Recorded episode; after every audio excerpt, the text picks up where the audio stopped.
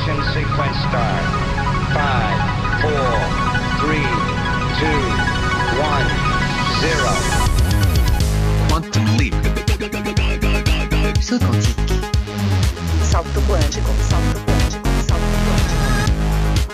Salto quantico. Salto quantico. Salto quantico. Kvantum, det du inte visste att du ville veta.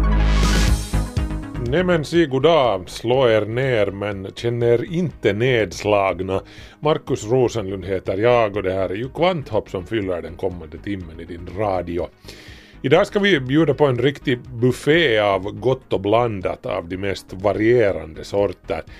Bland annat ska vi kolla in självkörande bussar som trafikerar i Paris. Jag vet inte med er, men jag skulle på riktigt känna mig lite ängslig inför tanken på att stiga ombord på en buss som ingen människa kör. Johan Tolgert är modigare än jag. Det finns ingen chaufför och det är datorsystemet som ser till att stänga dörrarna. Tant que je ferme pas la porte, bougera pas. Oui. Ça va ça. Eftersom detta är ett experiment i Paris så finns jag dock med för att se till så att inget går snett, förklarar Bruno som dock vet hur bussen kan stoppas vid behov. Vi har ju faktiskt haft liknande bussar på prov här i Finland, i Vanda och på Ärtholmen i Helsingfors. Vi ska höra hur de här franska förarlösa bussarna skiljer sig från våra. Och så ska det handla om att finländare blir allt mer intresserade av självprovtagning i hemmet. Alltid så vill man ju kanske inte gå och visa upp sina blämmor, säger medicinska direktören Sakari Jokiranta på Förenade Medics. De vanligaste är, klamydia och gonorré.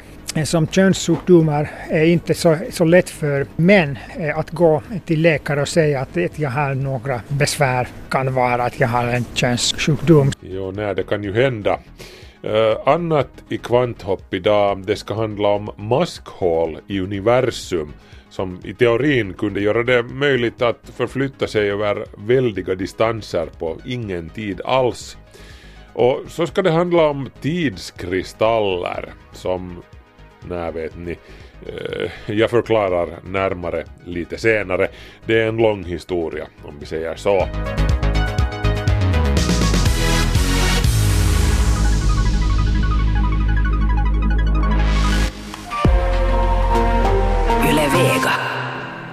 Nu är det dags för notiserna.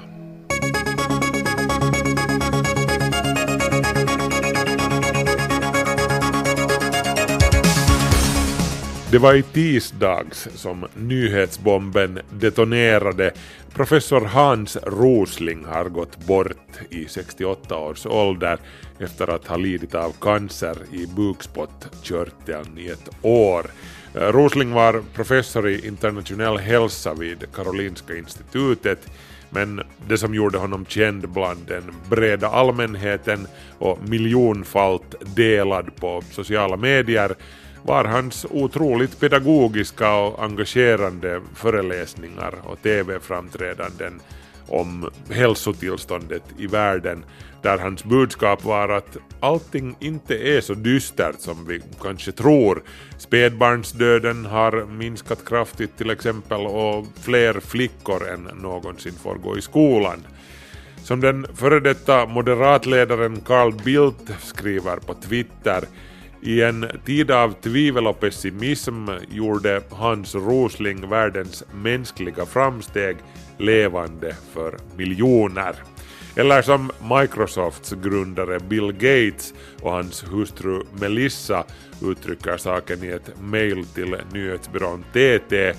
Rosling lyckades ge liv åt fakta och han hjälpte människor att se de framsteg som vi ofta förbisåg. Vi är djupt bedrövade över förlusten. Sveriges EU-kommissionär Cecilia Malmström i sin tur skriver så här på Twitter. Så sorgligt att Hans Rosling har lämnat oss, en otroligt kunnig och pedagogisk person som kämpade för en bättre värld med fakta och humor. Ja, man kan ju bara hålla med. Ett av de största isbergen som någonsin har iakttagits, stort som Nyland ungefär, håller på att lossna från Antarktiska halvön i västra Antarktis, närmare bestämt från Larsen C-isskälfen. The New York Times rapporterar om det här. Sprickan i Larsen-skälfen är nu 160 kilometer lång och som mest närmare 4 kilometer bred. Sprickan har blivit 27 kilometer längre på bara två månader. Och nu återstår bara cirka 30 kilometer innan sprickan når tvärs över isskälfen, eh, varefter separationen är ett faktum. När isberget slutligen lossnar, och det kommer att ske snart, tror experterna, så kommer det hur som helst inte att påverka de globala havsnivåerna märkbart. Isen flyter ju redan nu huvudsakligen på havet. Men förlusten av den här isen kommer att betyda att glaciärerna som ligger bakom den kommer att smälta allt snabbare när den här bufferten eller bromsklossen mellan dem och det allt varmare havet försvinner. Taxiföretaget Uber vill se flygande taxin inom den nära framtiden, rapporterar BBC. Och för att uppnå det här har Uber anställt en före detta NASA-ingenjör vid namn Mark Moore som har forskat i små eldrivna flygfarkoster som kan starta och landa vertikalt, som helikoptrar med andra ord, men mera i stil med bilar. Moore menar att eldrivna flygande bilar har potentialen att förändra spelet totalt. Det enda som står i vägen för dem just nu är dagens klena batterikapacitet. Uber har sedan tidigare samarbete med biltillverkare som Volvo och Daimler för att utveckla självkörande bilar, men nu vill de alltså erövra luften också. Som Uber uttrycker det i ett pressmeddelande, precis som skyskraporna gjorde det möjligt att utnyttja städernas begränsade markresurser effektivare, kommer flygande bilar att göra det möjligt att utnyttja det tredimensionella luftrummet för att minska på trafikstockningarna på marken. Just så, hur var det som Doc Brown sa det i Tillbaka till framtiden? Roads? Where we're going, we don't need roads. Like DeLorean?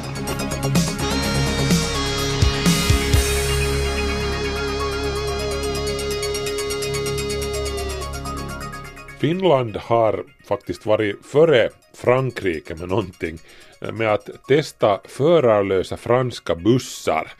De har redan gått på Ärtholmen och i Vanda men de står nu still under vintern.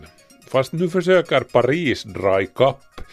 Eh, dock är det andra problem som dyker upp med robotbussar i en metropol som Paris jämfört med när de kör här i Finland. Bonjour et bienvenue. C'est la navette euh, autonome. Välkomna ombord önskar Bruno Chancibot som är värd i den lilla autonoma elektriska robotbussen som har beteckningen EZ10. Minibussen ska strax avgå från närheten av den stora järnvägsstationen Gare de Lyon på Paris högra strand. Härifrån går tåg till Marseille, Schweiz och Italien. Minibussen, som bara tar ett femtontal passagerare, ska köra på bron Charles de Gaulle över Seinefloden till den vänstra stranden till järnvägsstationen Gare d'Austerlitz. Därifrån går tåg till Toulouse, Spanien och Portugal. Detta är samma självkörande bussar som kört en kort ringlinje i Vanda och på Ärtholmen i Finland. Det finns ingen chaufför och det är datorsystemet som ser till att stänga dörrarna. Tant que je ferme pas la porte, il bougera pas. Oui. Alors, Eftersom detta är ett experiment i Paris så finns jag dock med för att se till så att inget går snett, förklarar Bruno som dock vet hur bussen kan stoppas vid behov. Efter någon minut kommer minibussen fram på den vänstra stranden. Den stannar och öppnar dörrarna. Den förarlösa bussen kör bara i 7 kilometer i timmen i Paris. Det är långsammare än i Vanda och på Ärtholmen där den gått med en fart på 12 kilometer i timmen. Topphastigheten är annars 40 kilometer i timmen. I Paris är det tänkt att de förarlösa bussarna ska transportera passagerare från metrostationen fram till deras bostad, förklarar Gilbert Gagnier. Han är ansvarig för det operativa arbetet med robotbussarna vid företaget Easy Mile i Toulouse. Oui, l'objectif de ces navettes euh, est de permettre euh, à des passagers euh, d'être amenés depuis le pas de leur porte jusqu'au transport en commun de masse tel que le métro, le RER eh, ou le bus. Den självkörande bussen ska alltså inte fungera som en busslinje i Paris med bestämda hållplatser utan den ska så småningom kunna stanna med jämna mellanrum ungefär när det passar passagerarna. När bussarna satts i trafik ska passageraren själv kunna beställa sin adress via en dator. Oui, je la prendrais, oui. Ah oui, oui. Oui, oui, sans hésitation. Sont faites pour transporter les gens. euh, Passageraren Marion gillar minibussen för när jag stiger av metron i mitt kvarter har jag cirka en kvart kvar att gå till bostaden. Där finns ingen busslinje. Så då skulle robotbussen vara praktisk för att komma ända hem till dörren, säger hon. Ja, på det här sättet behöver man inte äga ett fordon utan man kan hyra rörligheten och därmed också minska avgaserna. Målet med robotbussar i Paris är förstås att få ner biltrafiken och därmed minska avgaserna som är mycket viktigt för Paris socialistiska kommunstyre. För flera gånger i vinter har det varit så dålig luft i den franska huvudstaden att man i radio och tv varnat invånare med skör hälsa från att gå ut. Helsingfors biträdande stadsdirektör Pekka Sauri har sagt till Kvanthopp att man nu ska göra en utvärdering av ringlinjen på Ärtholmen och i Vanda. Trafiken kan mycket väl återupptas till sommaren.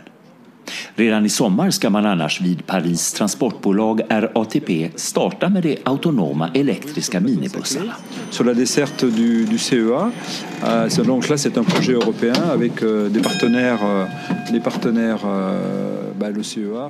Robotbussarna ska ta med passagerare från metrostationen Porte de Vincennes i östra Paris till Vincennes-skogen. En kort sträcka utan stoppljus meddelar Frédéric Dupois på transportbolaget RATP. För att hjälpa Paris mot föroreningar så bör man gå snabbt fram med tekniken, menar han. Voyageur. Euh, On perd pas de temps, non, c'est sûr qu'il faut être... När jag börjar tala om risker att köra på någon så stannar minibussen plötsligt. Ett par fotgängare går för nära den på trottoaren.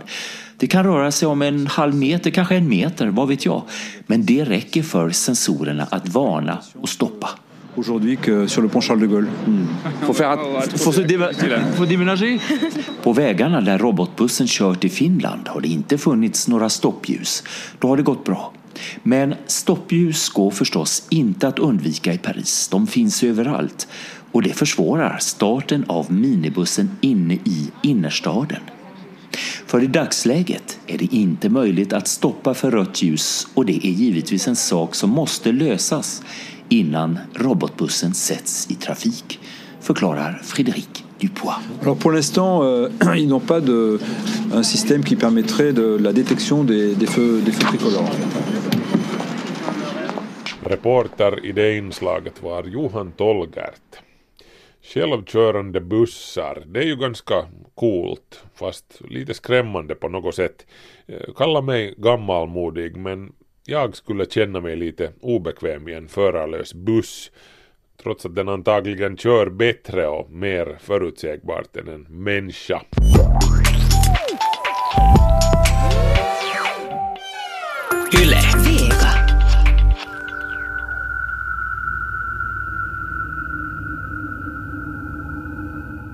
Det finns de som vill gräva en tunnel från Helsingfors till Tallinn. Andra väntar på att västmetron ska bli klar, helst under deras livstid. Elon Musk vill skjuta oss med ljudets hastighet genom vakuumrör, han kallar det hyperloop. Jag vill bara strunta i allt det här. Jag vill ha maskhål istället. Nej, inte i kroppen. Tids nog får jag det också. Men som transportmetod. Maskhål genom själva universum. Som du kan hoppa in i och vips är du någon helt annanstans på andra sidan jorden eller galaxen. De kallas Einstein-Rosen-broar efter männen som först kom på tanken. Och låt oss vara fullständigt klara på den här punkten. De är i högsta grad hypotetiska och fullständigt omöjliga att förverkliga med dagens teknologi. Men med tanke på att så gott som allt annat som Einstein förutsåg har visat sig existera i verkligheten, inklusive de svarta hålen, så är det sannolikt att också maskhålen är verkliga. Och med god tur och en hel del kaffe och pepperonipizza så lär sig någon bemästra dem förr eller senare. Ett maskhål eller en Einstein-Rosen-bro är alltså en passage genom själva rumtiden. Du hoppar in i en mynning i Helsingfors och ploppar omedelbart ut ur en annan, i Vasa, eller på Proxima Centauri, utan incheckningar, säkerhetskontroller och ta av dig bältet och allt det där. Namnet förklarar sig självt på sätt och vis, maskhål. Tänk dig en mask som sitter på ett äpple. Den vill ta sig till andra sidan av äpplet. Men att krypa runt äpplet tar för lång tid så den beslutar sig för att borra sig genom äpplet istället eftersom det är en kortare sträcka. På samma sätt kan du tänka dig att du vill ta dig från ett ställe på kartan till ett annat som ligger i bortre änden av kartan sett från din position. Att resa dit bort skulle ta för lång tid så du viker ihop kartan så att din nuvarande position och din önskade destination ligger ovanpå varandra. Och så borrar du dig genom kartan och vips är du där. Det här låter ju som en serietidningslösning på problemet och det är det ju egentligen men det är hur som helst mer eller mindre just så här som maskhålen funkar. Du borrar dig genom rumtidens karta vilket gör att du kan skippa sträckan mellan punkterna A och B och bara köra rätt igenom. Innan du skrattar ihjäl dig, det var som sagt Albert Einstein som kom på det här. Eh, maskhål är en slutsats som man anländer till om man följer Einsteins allmänna relativitetsteori. Men till skillnad från de svarta hålen vars existens är bekräftade för länge sedan så har ingen sett skymten av ett eller flera maskhål utom i science fiction böcker och filmer naturligtvis. Där hör de till stapelvaran när det kommer till förklaringar som man tar till för att slippa tråka ut publiken genom att tvinga dem att titta på när resenärerna på rymdskeppet ligger nedfrysta i 10 000 år eller så, hur länge det nu än tar att resa till Tau Ceti med dagens teknik. Den senaste och kanske en av de bättre filmerna som utnyttjar maskhål som transportmetod för att låta våra hjältar resa till ett fjärran solsystem är filmen Interstellar från 2014 där filmens hjälte spelad av Matthew McConaughey med besättning reser till ett fjärran solsystem för att hitta en plan B för mänskligheten som i filmens framtid slutgiltigt har sabbat sin hemplanet, jorden. Och de reser alltså dit genom ett maskhål som ligger parkerat i omloppsbana ute vid Saturnus. Ett maskhål som en okänd avancerad rymdcivilisation har lämnat där i något skede för länge, länge sedan. Om vi får tro filmens hjälte Joseph Cooper i alla fall. Och, spoiler alert, våra hjältar kommer ut helskinnade på andra sidan. De, eller vissa av dem, lyckas till och med resa tillbaka. Ja, men i väntan på välvilliga, gudalika super-aliens som bygger Einstein-Rosen-broar åt oss, antagligen för en bråkdel av västmetrons kostnader, så att vi kan resa till Mattby med tankens hastighet, vilken är då sannolikheten för att vi ska lyckas konstruera sådana här maskhål själva för transportbruk? Eller att vi hittar färdiga sådana, för vissa menar att det finns maskhål som bildades i samband med stora smällen och som ursprungligen var alldeles för tajta för att vi skulle kunna utnyttja dem till någonting vettigt, men som i och med universums utvidgning med tiden har töjts ut en aning.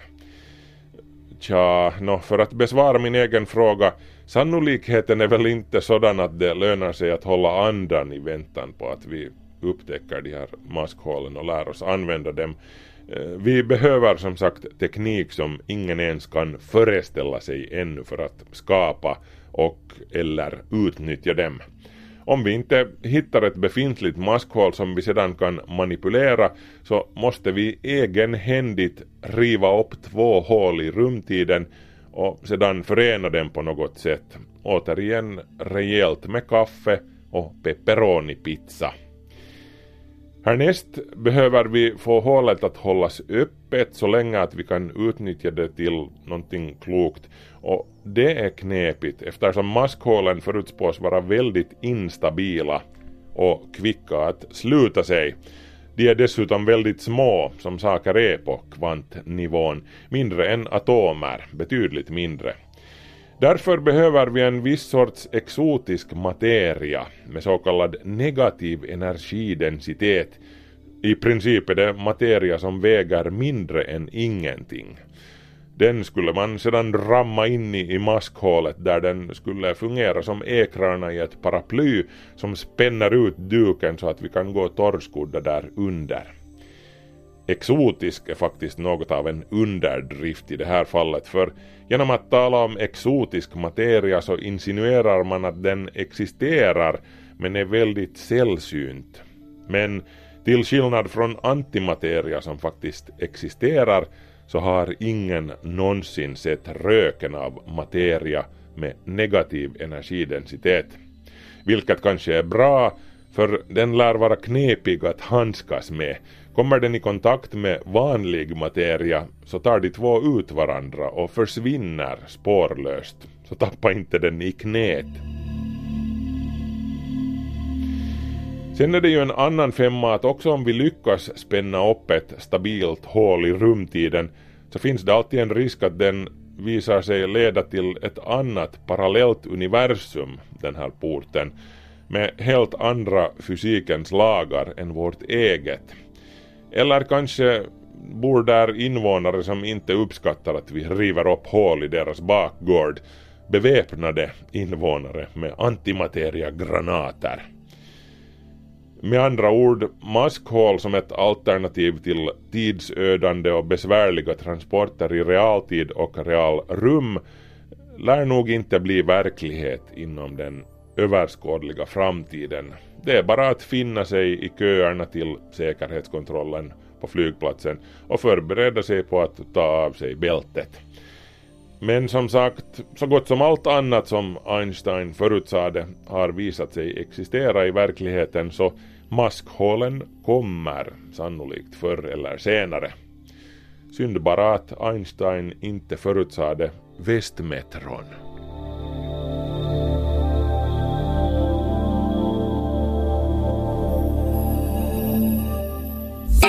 Vega. Finländare har blivit allt mer intresserade av självprovtagning i hemmet. Man kan alltså ta reda på om man har en viss sjukdom med hjälp av ett test som man beställer hem via nätet. Till exempel i Vanda tas redan 15 procent av labbproverna i hemmen istället för på vårdcentralen.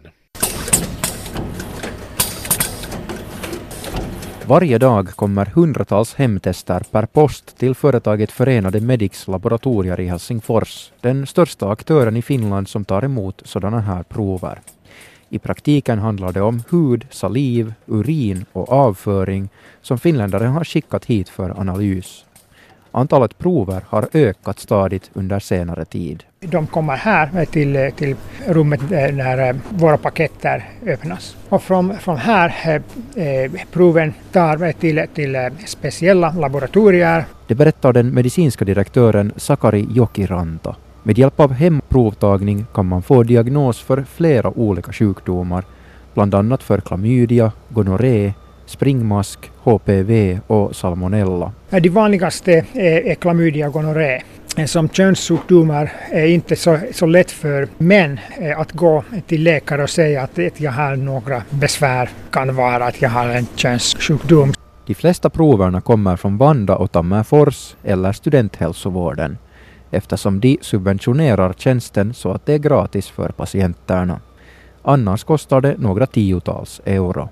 Många upplever också att det är lättare med hemprovtagning, särskilt om det är långt till närmaste vårdcentral. Så det är så mycket lättare att, att bara beställa eh, provet eh, eller material hemma, ta provet där och skicka eh, till centrallaboratoriet. Resultatet får man sen till exempel genom att logga in på den officiella webbplatsen kanta.fi.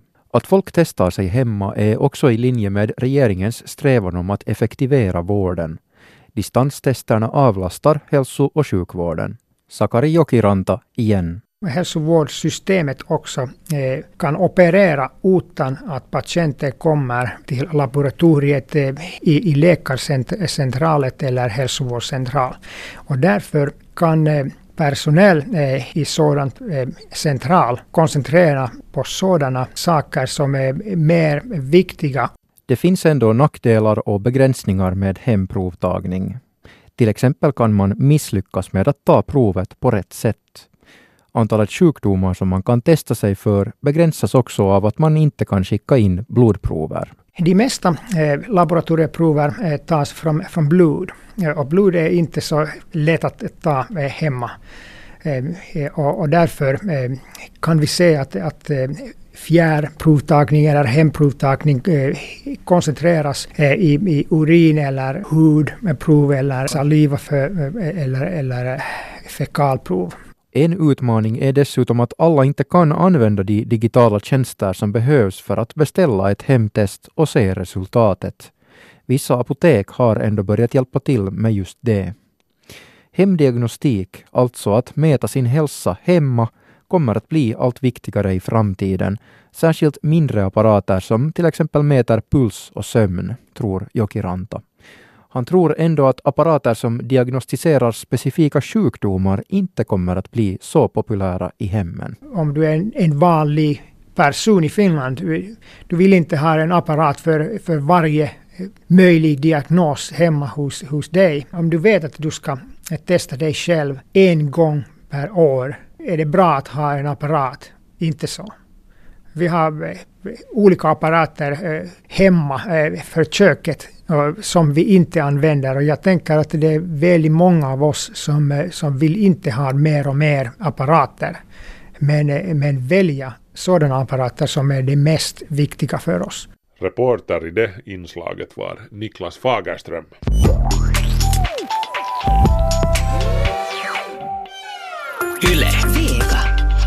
Diamanter och snöflingor. Två exempel på kristaller även om de onekligen skiljer sig något när det kommer till varaktighet och värde. Men nu har man upptäckt en helt ny sorts kristaller vars struktur inte bara existerar i rummet utan i tiden.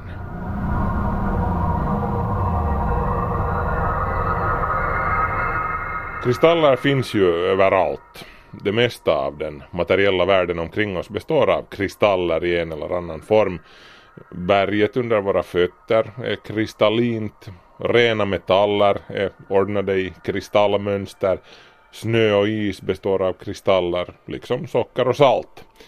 Ironiskt nog så är det mesta runt omkring oss kristaller utom det som vi tänker på som kristaller. Glas till exempel är inte kristallint. Inte ens när det hänger från våra så kallade kristallkronor och glittrar vackert. Glas är amorft, det vill säga atomerna ligger huller om buller utan någon struktur. Inte ens kristallglas är kristallint på riktigt. Kristall är kort sagt en fas hos vissa ämnen där atomerna bildar ett regelbundet mönster som upprepar sig i alla tre dimensioner så att vi får de där nästan magiska geometriska stavarna som tycks växa ut ur grottornas väggar och de kaleidoskopiska snöflingorna. Men det är inte någon magi bakom det hela. Kristaller är helt enkelt bara hur vissa ämnens atomer trillar på plats i sitt grundtillstånd. Det krävs ingen energi för att skapa dem. Sedan ett antal år tillbaka hade förekommit spekulationer kring huruvida kristaller skulle kunna bildas inte bara i den materiella världen utan i självaste tiden. Det var Frank Wilczek, nobelprisvinnare i fysik, som kastade fram den här tanken 2012. Eh, som sagt, kristaller är mönster som atomerna bildar i tre dimensioner, men kunde samma sak gälla också för den fjärde dimensionen, tiden? Svar ja, som det skulle visa sig.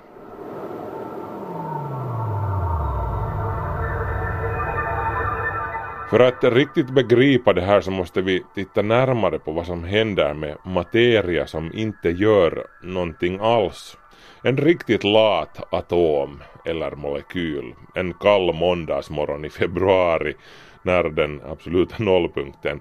Ingen energi påverkar den, den bara ligger där. Den befinner sig i det som fysiken kallar grundtillståndet. Och så funkar naturen och fysikens lagar att saker som inte gör någonting strävar efter symmetri. Eftersom symmetri är det tillstånd som kräver minsta möjliga mängd energi. Men det finns saker och ting som bryter mot den här regeln och kristaller är just en av dem. Atomerna samlas och bildar alla dessa fantastiska geometriska former kristaller, som om någon byggde dem, lade ned en massa möda på dem. Men ingen förbrukar någon energi på kristallerna, ingen sliter och svettas. Atomerna bara trillar på plats och bildar de här häftiga kristallmönstren. Och här är poängen, de är inte helt symmetriska, de här mönstren. Naturens andra brottsling när det kommer till symmetriregeln är magneterna. Inte heller de är symmetriska. De har en nordända och en sydända. Ingen vet riktigt hur magneten beslutar vilken ända som ska vara den nordliga och vilken som är den sydliga. Men precis som korven har magneten hur som helst två ändar och det gör den asymmetrisk, till och med i grundtillståndet.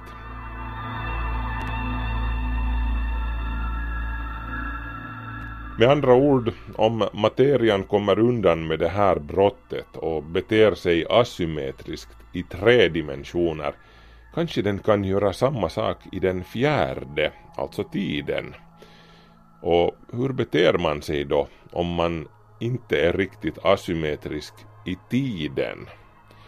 Jo, när man rör på sig, när man borde stå stilla. För att ta ett exempel från den riktiga världen Tänk dig en kristallkrona, även om kristallglas, som vi konstaterade tidigare, inte är kristaller alls. Hur som helst, den här kristallkronan hänger från taket, där hemma i din balsal. Den glittrar av så kallade kristaller i rummet. Men för att få den att göra samma sak i tiden så borde den dansa. Den borde svänga trots att ingen svänger på den. Eh, du puttar till den och den börjar svänga och den slutar aldrig svänga, den fortsätter svänga. Det här var exakt vad som visade sig hända när man testade saken på kvantnivå i den riktigt lilla världen. Faktum är att flera forskarteam på olika håll i världen på sistone har bevisat just det här. Men exemplet som vi nämner här kommer från University of Maryland i USA Eh, där kylde forskarna ner en ring med ytterbiumjoner så att de befann sig i sitt grundtillstånd. Sen gav de en av jonerna en knuff, så att säga, i form av en laserpuls. De bytte spinn på den.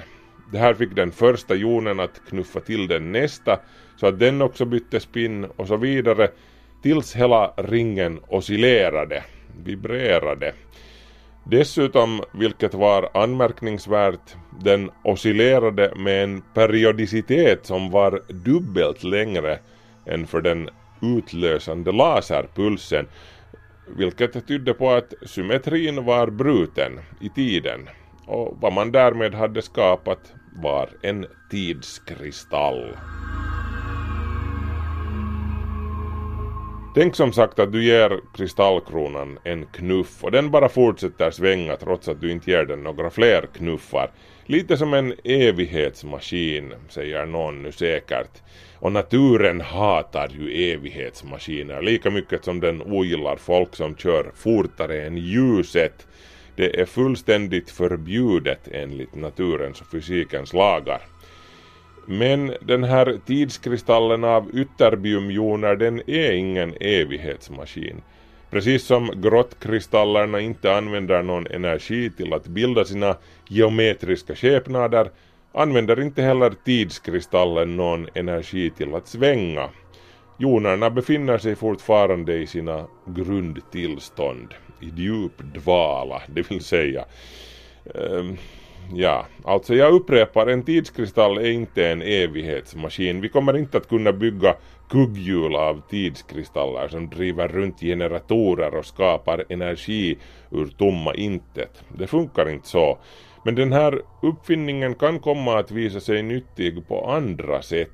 Som till exempel i framtidens kvantdatorer, nästa generations datorer med hastigheter som kan vara hundratals miljoner gånger snabbare än dagens superdatorer.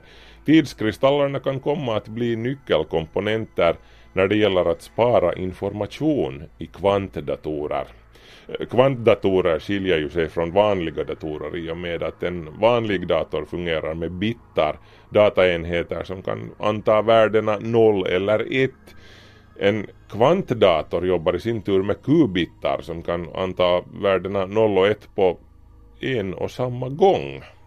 Det här gör att de är särskilt bra på att lösa problem som har en väldigt stor mängd möjliga svar som till exempel att knäcka koder. Inte så konstigt att man satsar särskilt mycket på kvantdatorer i militära kretsar just nu. Problemet med kvantdatorerna har hittills varit att det är oerhört svårt att läsa av eller förändra de känsliga kvanttillstånden utan att förstöra dem. Men när vi en gång har löst problemen som ligger i vägen så kommer vi att uppleva en datorrevolution som vi inte ens kan föreställa oss ännu. Och här hoppas man alltså att tidskristallerna ska spela en viktig roll. Oavsett var och hur tidskristallerna sist och slutligen kommer att användas så är det som nu har upptäckts hur som helst en ny, hittills okänd fas för materian. Lite som att första gången bevittna när is smälter och blir till vatten och bara det är ju jättestort. För att inte tala om den flodvåg av progressiva psykedeliska rockalbum som den här upptäckten sannolikt kommer att ge upphov till. Jag menar bara att nämna ordet tidskristaller får ju folk på redaktionen här på, här på Svenska Yle att titta på en som att vad har du rökt idag då?